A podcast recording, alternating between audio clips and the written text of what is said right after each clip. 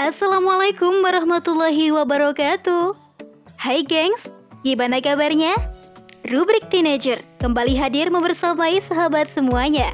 Masih bersama saya, Dewi Fitriana. Rubrik Teenager kali ini berjudul Remaja jadi gangster, buah sistem keblinger oleh Anna Nazaha. Guys, guys, dunia sekarang tidak aman lagi. Kejahatan ada di mana-mana. Dari masalah korupsi yang dilakukan oleh pejabat negeri sampai tawuran oleh anak sekolah. Ada yang dilakukan individu, ada pula berjamaah. Nah, yang berjamaah ini nih kerap disebut sebagai gangster. Seperti yang terjadi baru-baru ini, 11 orang gangster ditangkap karena diduga hendak melakukan kejahatan. Ya, alhamdulillah deh, gangster tersebut berhasil diringkus oleh polisi sebelum sempat beraksi pada Minggu 9 Januari 2022. Lengkap dengan senjata tajam yang dibawa, yakni celurit dan golok. Bayangkan saja, jika polisi telat sedikit saja, dikhawatirkan mereka akan melakukan kejahatan yang membahayakan nyawa. Duh, ngeri parah deh. Hal yang sama juga pernah terjadi pada 28 Desember tahun lalu di Pasar Kemis, Tangerang.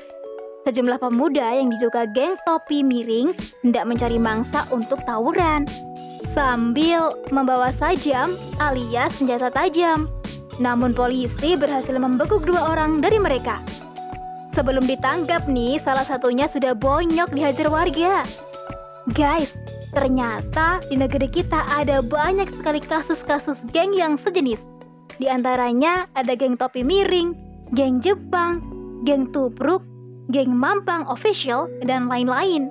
Nah, geng-geng inilah biasanya meresahkan masyarakat guys. Karena kerap melakukan tawuran, anarkis, dan tindakan membahayakan lainnya.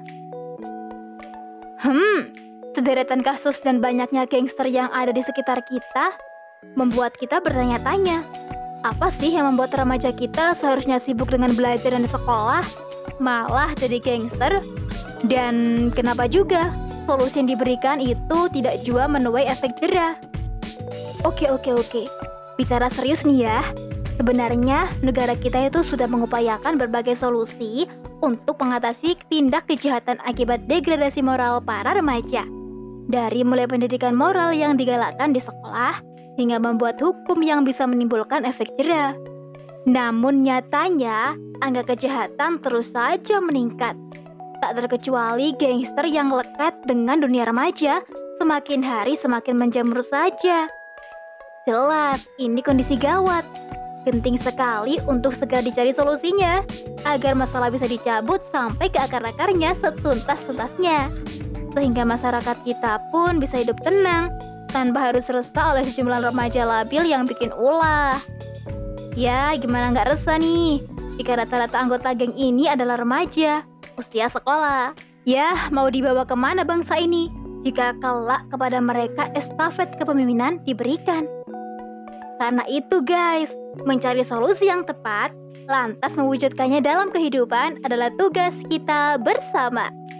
Jangan karena kondisi yang sudah sedemikian kacau ini membuat kita menyerah, lantas berputus asa. Jika hukum sudah tidak diindahkan, barangkali ada yang terlewat oleh kita. Hukum yang keok, kita cari penggantinya. Guys, sebagai muslim, Seharusnya kita sadar nih, musibah yang dihadapi umat dewasa ini sejatinya karena hidup tidak sejalan dengan Al-Quran dan sunnah Rasulnya. Maka wajar jika umat Islam salah jalan, sesat arah dan tujuan. Sebagaimana firman Allah Subhanahu wa taala, "Sebagian kamu menjadi musuh bagi sebagian yang lain. Jika datang kepadamu petunjuk dariku, maka ketahuilah barang siapa mengikuti petunjukku, dia tidak akan sesat dan tidak akan celaka.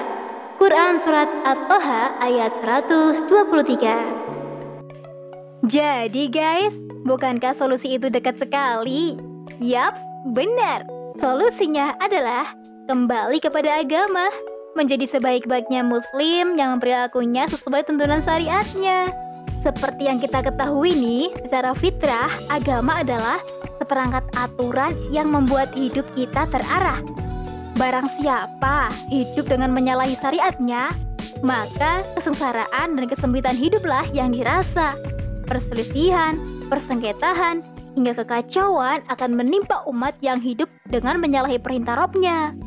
Nah, ini nih salah satu kekacauan tersebut, yakni degradasi moral yang dialami oleh remaja. Akibat krisis keimanan, remaja kehilangan pijakan dalam berpikir dan berbuat tidak paham mana yang benar, mana yang salah, mana keburukan, mana yang kebaikan, tidak paham kewajiban sholat, puasa, dan menjaga pergaulan. Inilah yang menyebabkan generasi menjadi sadis, kehilangan sifat kasih sayang. Namun sayangnya guys, alih-alih menjadikan Al-Quran sebagai aturan, kita malah berhukum berlandaskan kapitalisme dan neoliberalisme. Hukum yang ditawarkan Barat ini telah menggeser peran Al-Quran dan Sunnah, baik dalam mengatur kehidupan individu, masyarakat, maupun negara. Akibatnya, paham sekularisme dan liberalisme ini tumbuh subur di tengah umat, menjerumuskan remaja pada pergaulan yang tidak sehat, krisis akhlak, narkoba, taburan, hingga menjadi perilaku kriminal. Guys, jika ide dan standar hukum ala barat ini tetap dipertahankan, Ditakutkan nih, remaja kita akan semakin liberal. Kehilangan jati diri sebagai remaja muslim, budaya menindas yang lemah semakin menjadi-jadi. Krisis sosial menimpa umat, serta kriminalitas oleh remaja menjadi musibah bangsa ini. Yang rugi ya jelas umat Islam sendiri. Peradaban dan masa depan umat bisa terancam. Jadi guys, suka tidak suka, tugas kita sekarang adalah berusaha serius untuk melakukan dakwah penyadaran umat. Terlebih sebagai remaja yang kerap dijuluki agen perubahan, sudah sepatutnya deh kita mengambil peran ini, berpartisipasi dalam upaya dakwah memperjuangkan tegaknya dinul Islam kembali. Karena hanya dengan menerapkan Islam secara kafalah, degradasi moral remaja bisa diakhiri. Gangster dan segala kerusakan lainnya yang lahir dari sistem keblinger bisa diatasi loh dengan menerapkan Al-Quran dan Sunnah Rasulnya dalam bingkai khilafah. Tentunya rahmat yang Allah janjikan bisa turun ke bumi dan kami tidak mengutus engkau Muhammad melainkan untuk menjadi rahmat bagi seluruh alam. Quran Surat Al-Anbiya ayat 107 Wallahu a'lam